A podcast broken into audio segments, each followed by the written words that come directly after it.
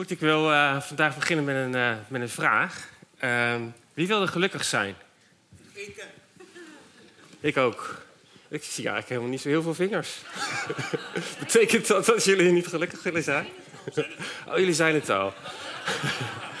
maar wat, wat zou dat mogen kosten? Dat is een tweede vraag. Is er iemand die daar uh, op wil reflecteren? Wat mag geluk jou kosten? Roberto? Heel kort, wat mag geluk jou kosten? Uh, alles. Alles? Ja. Dat vind ik een mooi, uh, mooi antwoord. Is er nog iemand anders die uh, daar een ander antwoord heeft? Vingers?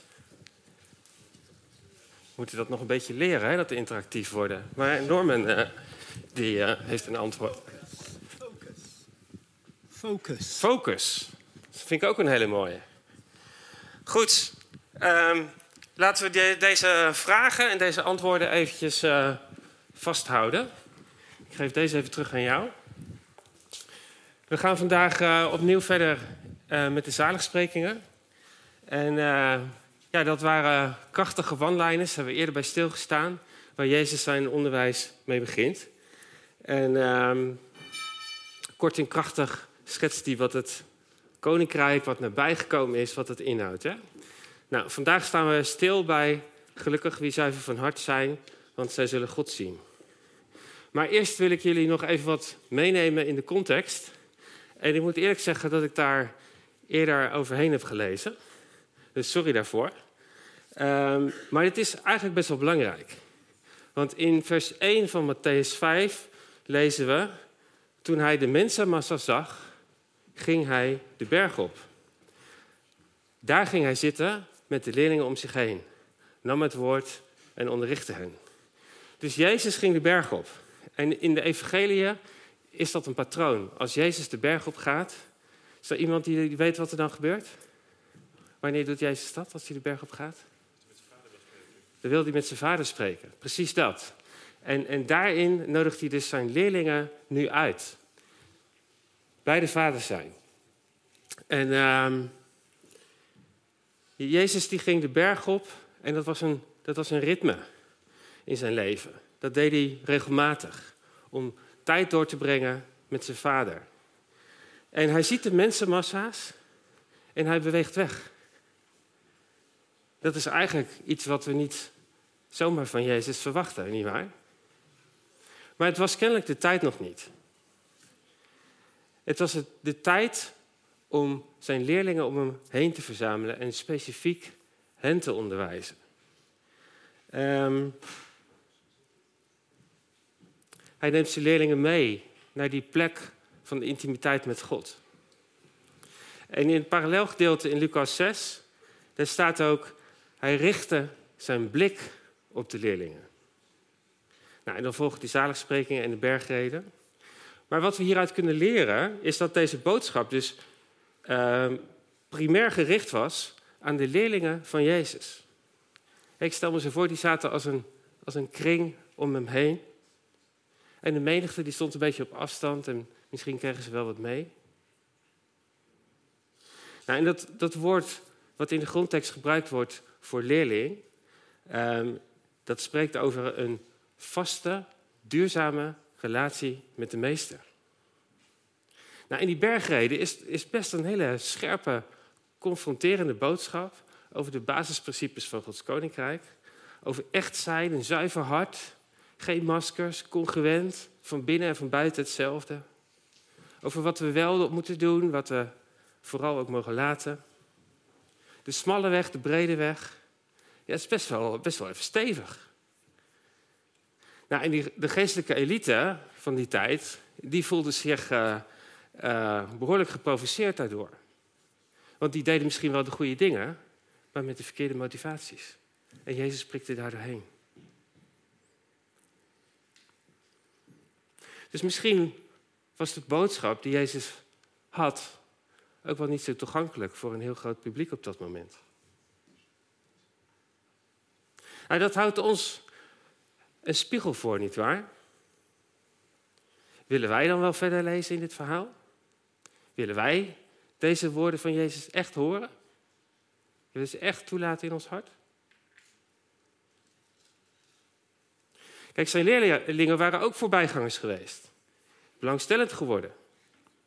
En op een gegeven moment gingen ze Jezus volgen. Ze hadden een veranderingsproces doorgemaakt. Nou, daar heb ik een slide van. En dat veranderenproces dat gaat over horen, geloven, volgen, gehoorzamen, vertrouwen, veranderen. En zijn leerlingen hadden iets in zijn stem gehoord. Iets wat hen integreerde. Ze wilden meer weten. Er kwam geloof.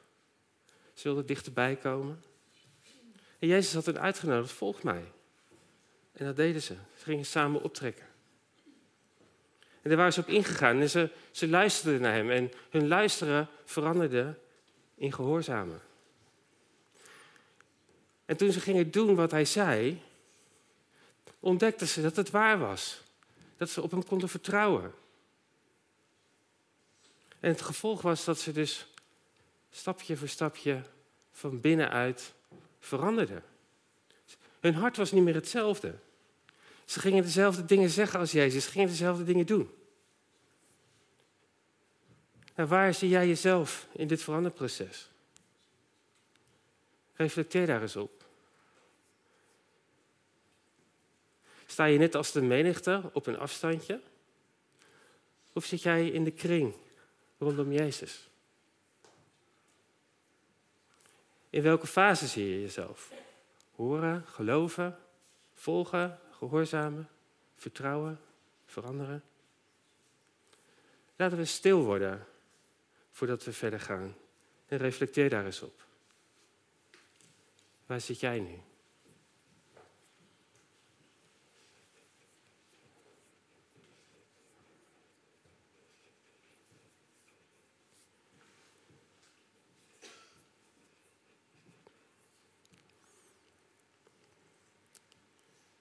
En als je daar misschien een antwoord op gevonden hebt, waar verlang je te zijn?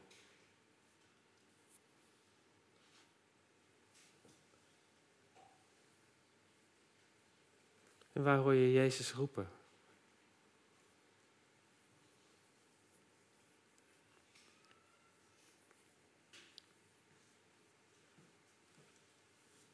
Nou, hou dat even vast.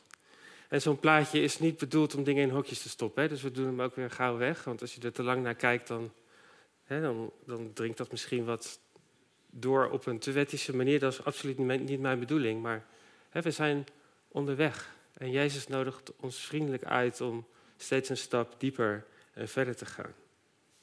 Nou, in het kader van relatiegericht discipelschap, waar we uh, mee bezig zijn, hebben we het zijn van een discipel uh, eerder gedefinieerd als een actieve leerling, een gehoorzame volgeling en een intieme vertrouweling van Jezus. Nou, dan is het nu tijd om in de woorden van Jezus te duiken. En ik wil je uitdagen om jezelf de vraag te stellen: wat kan ik leren van de woorden van Jezus? Wil ik Hem en Zijn woord gehoorzaam volgen? En vertrouw ik dat Zijn woord bouwt aan meer intimiteit uh, en vertrouwen in relatie met Hem? En het woord van Jezus voor ons, voor mij, voor jou vandaag is: gelukkig die zuiver van hart zijn, want zij zullen God zien. En dat gaat over een veranderproces. Hè? We staan stil bij een veranderproces van rein worden, zuiver van hart zijn. Nou, laten we eerst eens even kijken wat nou precies met die begrippen bedoeld wordt. Hè? Zuiver, rein. Het uh, Hebreeuwse woord tahir komen we in de Bijbel tegen voor uh, rein. En tama voor onrein. En dat gaat, uh, dat gaat over schoon en, en smerig zijn. Dat is wel duidelijk. En letterlijk betekent dat Griekse woord zuiver, ongemengd. Iets wat uh, rein is, dat is puur. En dat is doorzichtig. Hè? Net zoals een, een heldere vloeistof als water bijvoorbeeld. Of, of denk aan, aan puur goud. Hè? 24 karaats is puur goud. Um, dat is niet vermengd met andere metalen of uh, verontreinigingen. Of misschien, als je van lekkere chocola houdt, pure chocola. Uh, dat is niet vermengd met melk. En eh, ik weet niet of je wel eens geprobeerd hebt de melk uit chocola te halen, maar dat is heel ingewikkeld. Hè, pure chocola is onvermengd. Nou, op geestelijk, moreel gebied ehm, betekent rein zijn eigenlijk een zuivere relatie. Eh, een relatie waar, waar, waar niks tussenin staat. Nou ja, als je dat vertaalt naar een huwelijksrelatie bijvoorbeeld, dan kan een, een huwelijk verontreinigd worden door overspel bijvoorbeeld. Dan staat er heel duidelijk iets tussen. omdat iemand dan een seksuele behoefte buiten die verbondsrelatie zoekt. Ehm, zelfs, uh, zelfs Welin die uh, geeft aan hoe ingewikkeld dat is en hoe fout dat eigenlijk is. Dat heb je uh, van de week overal kunnen zien en horen. Ja, dat is een voorbeeld wat je misschien niet helemaal uit die hoek verwacht. Maar het, het, het, het, het brengt ontzettend schade als we, als we niet zuiver in relatie staan. En zo is het ook als we in relatie met God staan. En dat rein en dat zuiver zijn, ehm, dat geldt ook voor Gods woorden. Hè? De, de, God die neemt initiatief in relatie tot ons door zijn woorden. En David die schrijft daarover in Psalm 12 dat Gods woorden rein zijn, dat ze zuiver zijn, dat ze onversneden zijn. Ze komen uit een onverdeeld hart. Heldere taal, volmaakte bewoordingen en daar valt ook ja, niet echt wat tegen in te brengen of op af te dingen.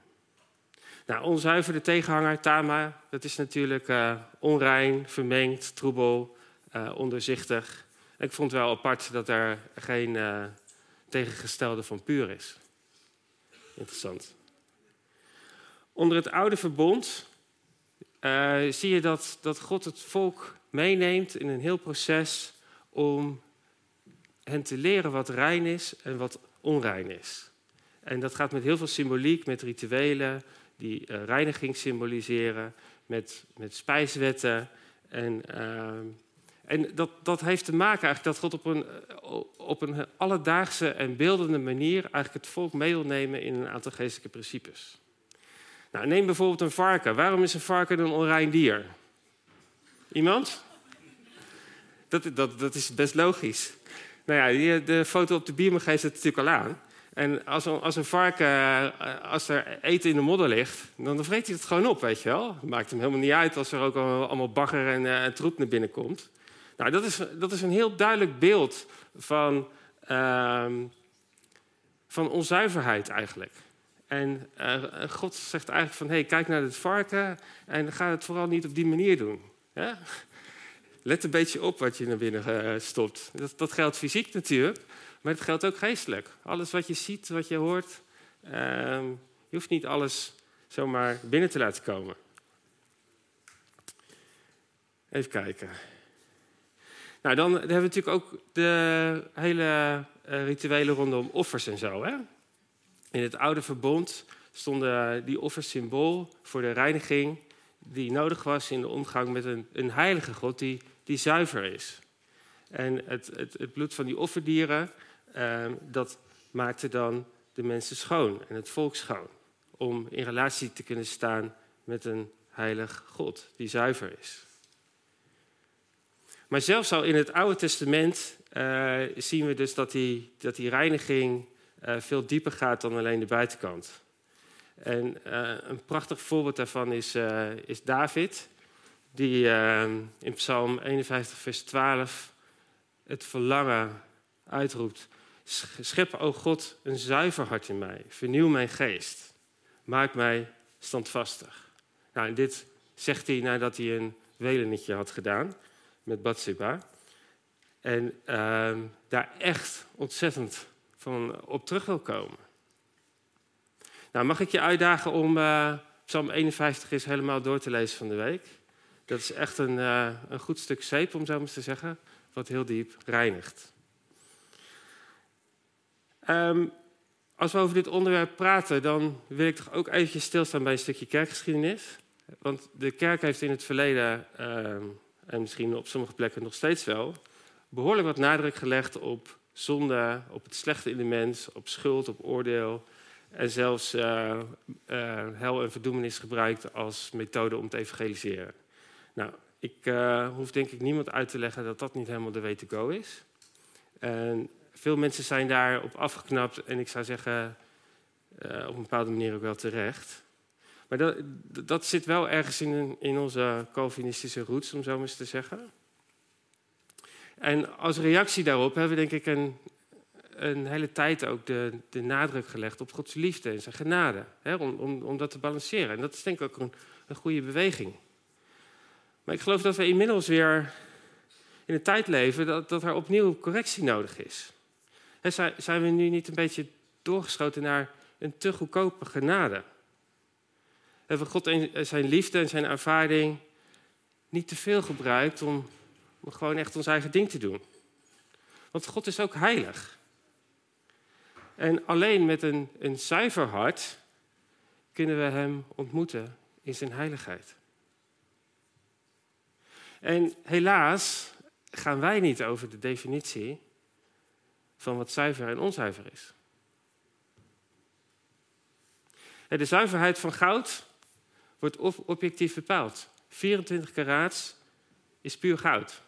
En ik weet niet wat voor ring jij om je, om je vinger hebt, maar het is misschien 18 karaats, helaas. Dat is niet puur goud.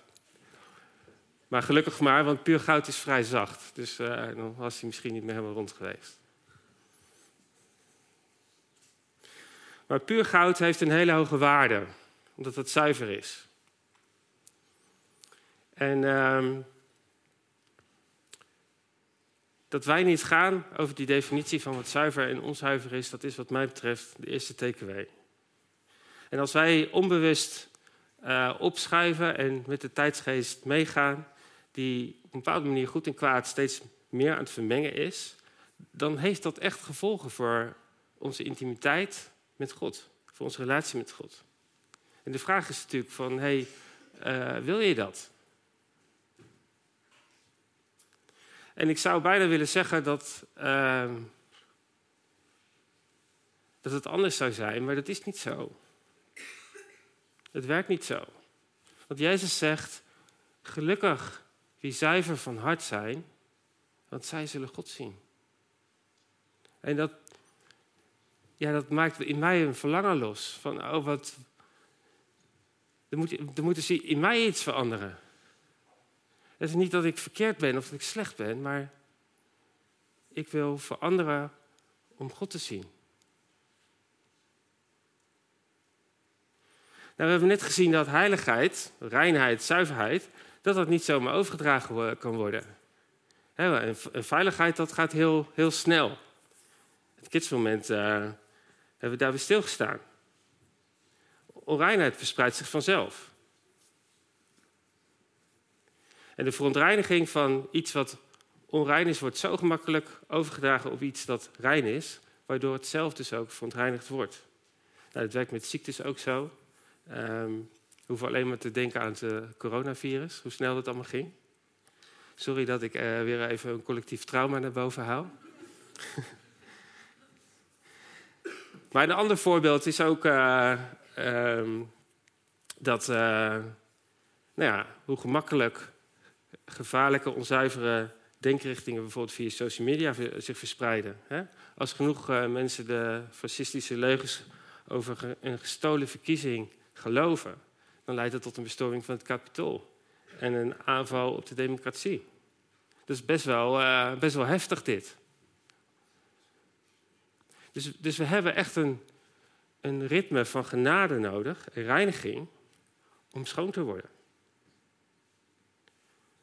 En ik denk dat uh, dat ritme wat Jezus had om steeds terug te gaan naar zijn vader op de berg, dat het ergens ook zo'n ritme was. Jezus kreeg ook van alles binnen. Hij was volledig mens zoals wij. Dus hij, hij, hij, moet ook gedacht hebben aan de dingen die mensen allemaal roepen, die, die helemaal niet uit Gods hart kwamen. Hij had het denk ik ook nodig om dat uit zijn systeem te krijgen.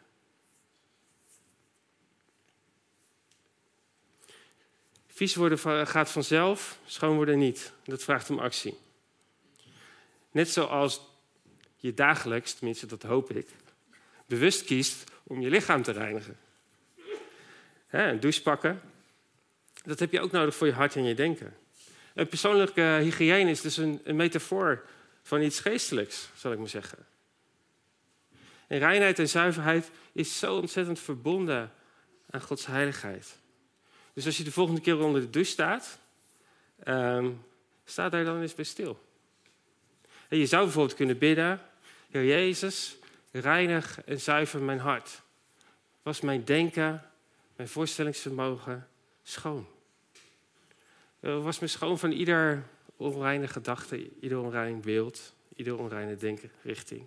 Want ik verlang ernaar om je face-to-face te zien. Zoiets. Nou, de doop is natuurlijk ook een symbool van die reiniging. En we gaan eh, binnenkort dopen. En uh, dat gaat hierover. Schoon zijn, zuiver van hart worden. Gelukkig wie zuiver van hart zijn. Want zij zullen God zien. Nou, gelukkig hoeven we dat niet allemaal zelf te doen, hè? Want dat brengt ons bij de TKW. God neemt initiatief voor een zuiver hart. En we lezen dat al in het Oude Testament, Jesaja 4, vers 4. De Heer zal Jeruzalem weer schoonmaken. Hij zal al het kwaad uit de stad verwijderen.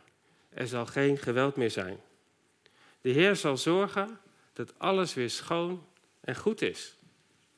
En dat is een belofte. Hij komt in beweging en wij mogen meebewegen. Hij laat ons niet vastzitten in de smeerboel. Hij biedt ons de mogelijkheid aan om weer schoon te worden. Om zuiver van hart te zijn. Nou, dan de derde takeaway. Jezus' woorden heiligen en zuiveren ons. Efeze 5, vers 25, daar schrijft Paulus het volgende over Jezus. Christus heeft de kerk lief gehad en heeft zich voor haar prijs gegeven. Om haar te heiligen, haar te reinigen met water en met woorden. En om haar in al haar luister bij zich te nemen. Zodat ze zonder vlek of rimpel of iets dergelijks zal zijn. Heilig en zuiver. Dat gaat over ons. En dat is wat Jezus voor ons heeft gedaan. En het enige wat ons nog rest, is ons kleine stukje. Dat we vies noemen wat vies is. En dat we troebel niet gaan zien als het nieuwe helder. Maar wees zuiver. En laten we ons reinigen. Dat brengt me bij de vierde takeaway. Jezus bloed reinigt ons van zonde. En ik wil ook heel duidelijk maken dat een zuiver hart hebben betekent niet dat je geen verkeerde dingen meer doet. Dat is een belangrijk dingetje om, om te pakken vanmorgen. Dus een zuiver hart is niet een zonderloos hart, maar het is een oprecht hart, een onverdeeld hart. Kijk, ons hart wordt onzuiver als we verkeerde dingen laten bestaan. Als we de troep niet opruimen, wordt het een zootje. Kijk maar naar je zolder. Hè?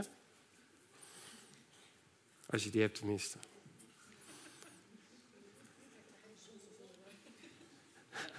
Ja, associaties met zolders.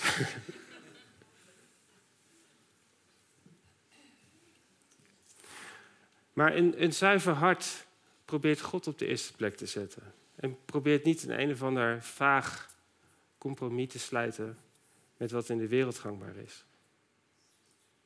En het morele kader van wat rein en onrein is, dat, dat kunnen we vinden in de Bijbel.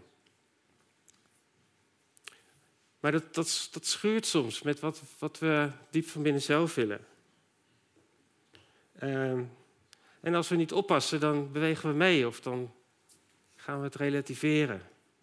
En het was voor toen en het geldt niet voor nu. Het is een hele andere cultuur, een andere tijd. En noem, ze maar op. Ik, hoop dat je, dat je dat herkent, dat soort gedachten. En dat zijn denk ik de dingen die we mogen loslaten. Want, want in welke tijd we ook leven, um, er, er bestaat iets als een objectieve waarheid. Tenminste, dat geloof ik. En ik denk dat we die kunnen vinden in en door relatie met God en door zijn woord.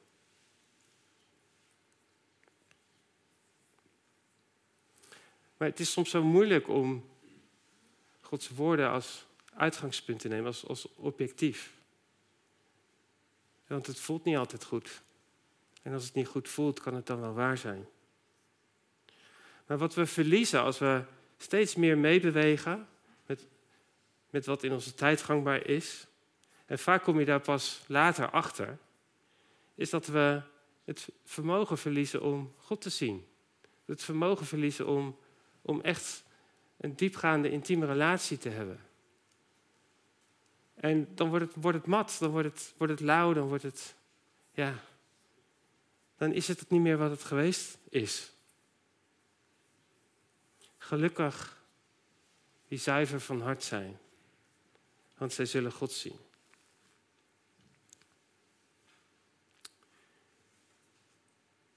Nou, Johannes, die verwoordt het zo.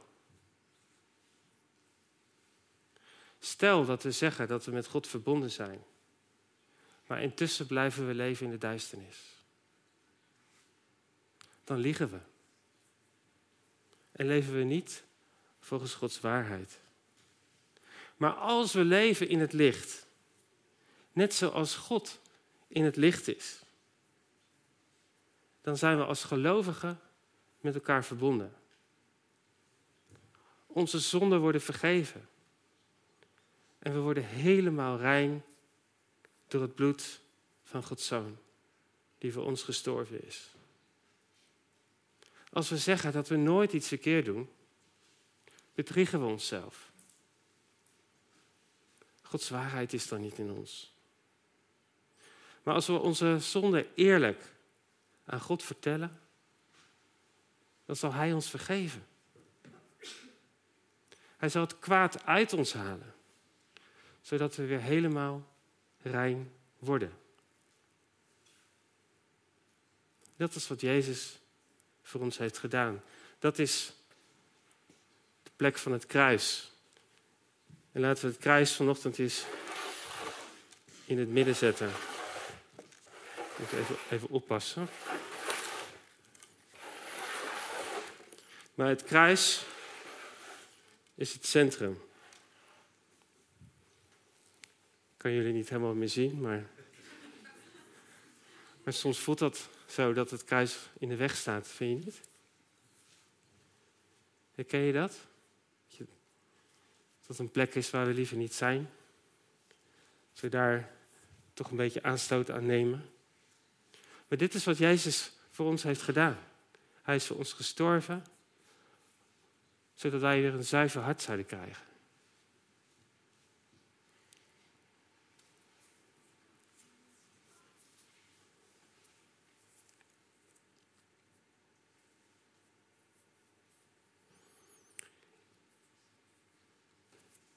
Verbonden zijn met God en leven in het duister gaan niet samen. Dus dat we verkeerde dingen doen, dat is niet het punt. Daar heeft Jezus een oplossing voor. Maar dat we niet erkennen dat het verkeerd is, daar gaat het mis. Dat maakt ons hart troebel, dat maakt ons hart onzuiver. Een zuiver hart erkent wat verkeerd is. En een zuiver hart noemt goed goed en kwaad kwaad. Een zuiver hart is oprecht, gericht op God en neemt Gods woorden als de maat voor goed en kwaad. Als de definitie voor wat leven brengt en wat niet. En iemand met een zuiver hart vertelt steeds eerlijk aan God wat er verkeerd gegaan is. Zodat hij opnieuw gereinigd kan worden. Dus gelukkig wie zuiver van hart zijn, want zij zullen God zien. Nou, dat brengt me bij de vijfde TKW. God zien face-to-face.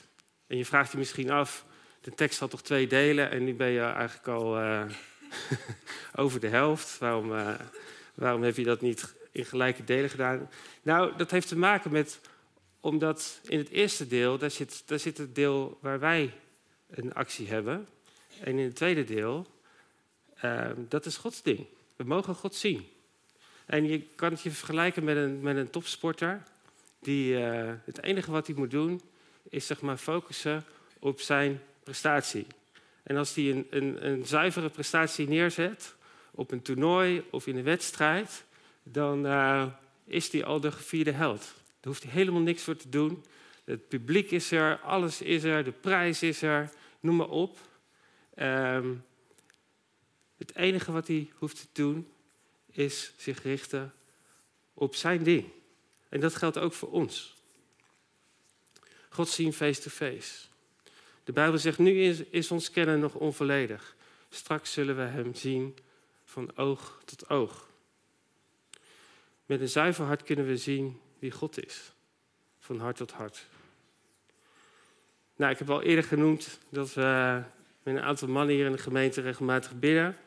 En onderdeel van de, als we bij elkaar komen, dan is ook uh, hè, hoe we omgaan met, uh, met geld, macht en seksualiteit. Hoe we daar op een zuivere en reine manier mee, mee omgaan. Uh, daar proberen we elkaar op uit te dagen. En ehm, dat betekent dus ook dat we met elkaar delen van ja, eh, het is niet goed gegaan van de week. Ehm, maar als we, als we daarna God aanbidden, dan, dan, dan zit daar iets iets van God, Gods aanwezigheid in, wat veel meer open is dan als we dat niet zouden doen. Dus het, het, het, als we de dingen die in ons hart zijn, die niet oké zijn, als we dat erkennen en als we dat voor, voor God brengen en zijn vergeving ontvangen, dan kan God ook zoveel meer van zichzelf laten zien. En dat, dat is waar, waarop ik jullie wil, wil uitdagen. Van, er is een wereld te winnen als we, als we echt eerlijk durven zijn. Goed, we zijn begonnen met de vraag: wat mag geluk zijn, gelukkig zijn jouw kosten? Een zuiver hart hebben is onderdeel van echt geluk. Ik hoop dat we dat met elkaar kunnen constateren nu. En misschien is de vraag van wat mag het jou kosten Misschien staat hij ook wel in relatie met de vraag: wat heeft het Jezus gekost? De plek van het kruis waar hij voor ons gestorven is. Het heeft hem alles gekost. En de prijs die wij betalen is het inleveren van ons onzuivere denken, willen, doen, voelen. En waar doen we dat? Het kruis is de plek. Daar mogen we steeds opnieuw uitkomen. Dat is het centrum. De plek waar we knielen, buigen,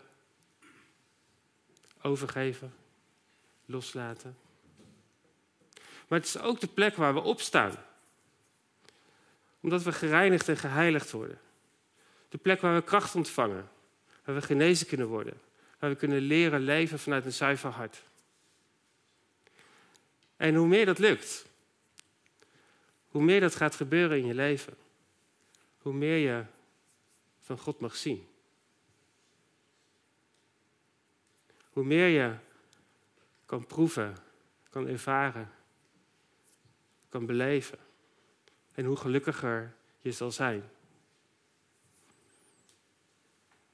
Gelukkig wie zuiver van hart zijn, want zij zullen God zien. Amen. Zullen we met elkaar gaan staan en kijken hoe we dit in gebed kunnen brengen? Als het aanbiddingsteam ook wil terugkomen.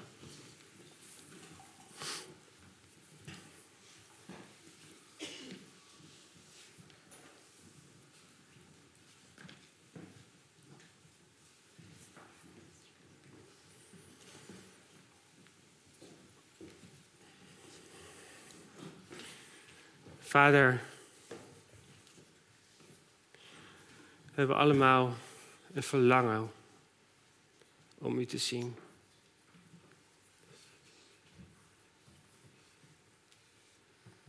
En Heer, help ons om ja, de dingen die in de weg staan, Heer, om die aan u te geven. Heer, dank u wel dat u met ons meewandelt. Met iedere stap die we gaan in ons leven. Heer, dank u wel dat u, dat u ons niet veroordeelt. Dat u ons niet in maat neemt.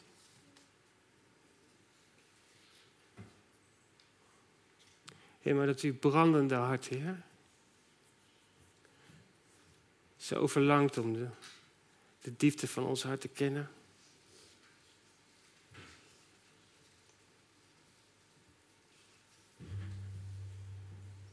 En Heer, dank u wel dat u nog meer dan wij verlangen om gelukkig te zijn. Heer, dat u dat geluk ons wilt geven.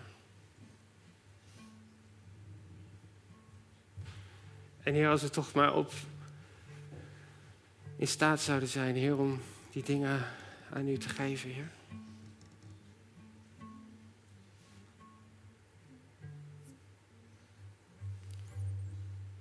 Heer, dan bent u daar. Heer, om, u, om te laten zien, Heer, in, in uw heiligheid, Heer, in, in uw liefde.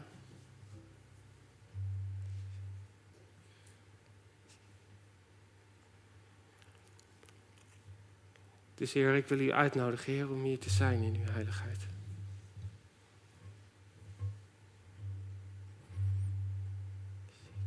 En voor sommigen voelt dat misschien wel even niet zo fijn. Maar ik wil je uitdagen om, om in die spanning te blijven staan. En datgene wat, wat niet goed voelt, om dat onder ogen te komen. En op de een of andere manier mag je dat overgeven. Probeer het beter te pakken. Geef het aan Hem. Het hoeft niet langer in de weg te staan.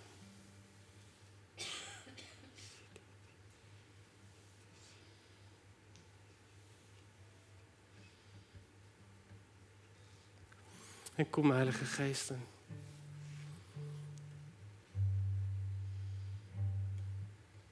Kom, Heilige Geest.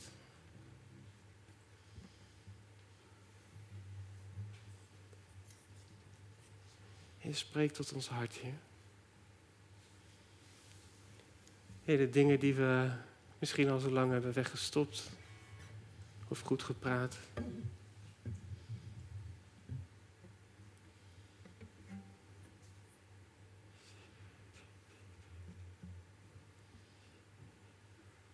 Geef ons de moed, Heer. Om door schaamte heen het over te geven aan u, Heer.